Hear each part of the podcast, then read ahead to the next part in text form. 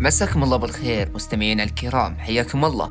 في حلقة أولى من بودكاست خوف واللي تسمعونه بشكل حصري عبر منصة بوديو. معي أنا محمد الصادق. عملنا على فكرة بودكاست خوف لأكثر من سبب. أول سبب إحنا اليوم عندنا العديد من المخاوف اللي نخشاها في هذه الحياة. ولذلك قررنا نتكلم بصوت عالي. عن المواضيع اللي أنا وإنت وإنتي نخاف منها حتى لو أننا ما تكلمنا عنها. أما ثاني سبب فإحنا نؤمن بدور المسؤولية الإعلامية واللي تحتم علينا أننا نساعد بعضنا البعض في إيجاد الحلول للتعامل مع هذه المخاوف. الخوف من الموت. أول شيء إذا جينا نتكلم عن الموت فهو شعور يولد داخل أحاسيس الإنسان. ولو كنا نبي نرجع لأصل كلمة الخوف راح نكتشف أن الخوف أمر جيد. وبديهيا أنت الآن راح تتساءل كيف ممكن يكون الخوف أمر جيد؟ وفيه فايدة لنا. أنا راح أعلمك عزيزي المستمع. في مثل يقول من خاف سلم. الخوف هو أول إشارة إنذار قبل لا يطيح الفاس بالرأس ويا كبر الندم لطارت الطيور برزاقها. لما نخاف نفكر وندرس الخطوة ألف مرة وهذا يعني أن نسبة الخطأ تكون أقل مما كانت عليه قبل الخوف.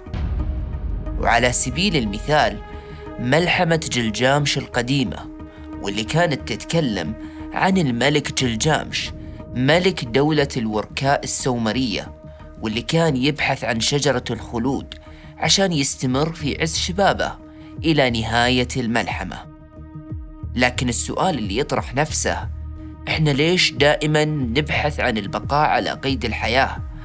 أو خلنا نكون صريحين إحنا ليش نخاف من الموت؟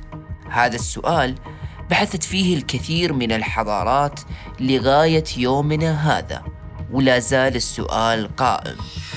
في كثير من الأحيان نسمع أن في أشخاص من حولنا متصالحين مع فكرة الموت تماما وما عندهم أي إشكال أنهم يموتون في هذه الساعة أو حتى في هذه الدقيقة. لكن الأمر الغريب أن هذول الأشخاص نفسهم هم أكثر الناس رعبا في مسألة فقد أو موت أحد يعرفونه. وحتى نكون صريحين مع بعض فكرة الموت ما هي فكرة هينة أبدا. لكن الأمر الخطير جدا في موضوع الموت هو لما يتحول هذا الخوف إلى مرض أو حتى نكون أكثر دقة لما يتحول هذا الخوف إلى وسواس قهري.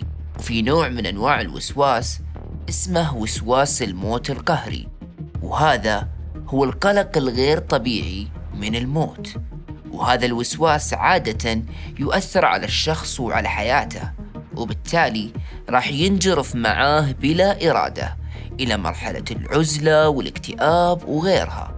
وهذا الوسواس له العديد من الأسباب مثل الخوف من المجهول وغيره. ببساطة عقولنا لا زالت عاجزة عن فهم مرحلة ما بعد الموت وهذا هو الهاجس الأكبر. والسبب الثاني واللي يخلي خوفنا مستمر هو أننا نعيش ولكن نجهل لحظة الرحيل ونجهل طريقة المغادرة لهذه الحياة ونهاية القصة. في جميع الأحوال ردت الأديان السماوية على الكثير من التساؤلات عن موضوع الموت وشرحت تفاصيله وطريقته وحتى عن الحياة ما بعد الموت.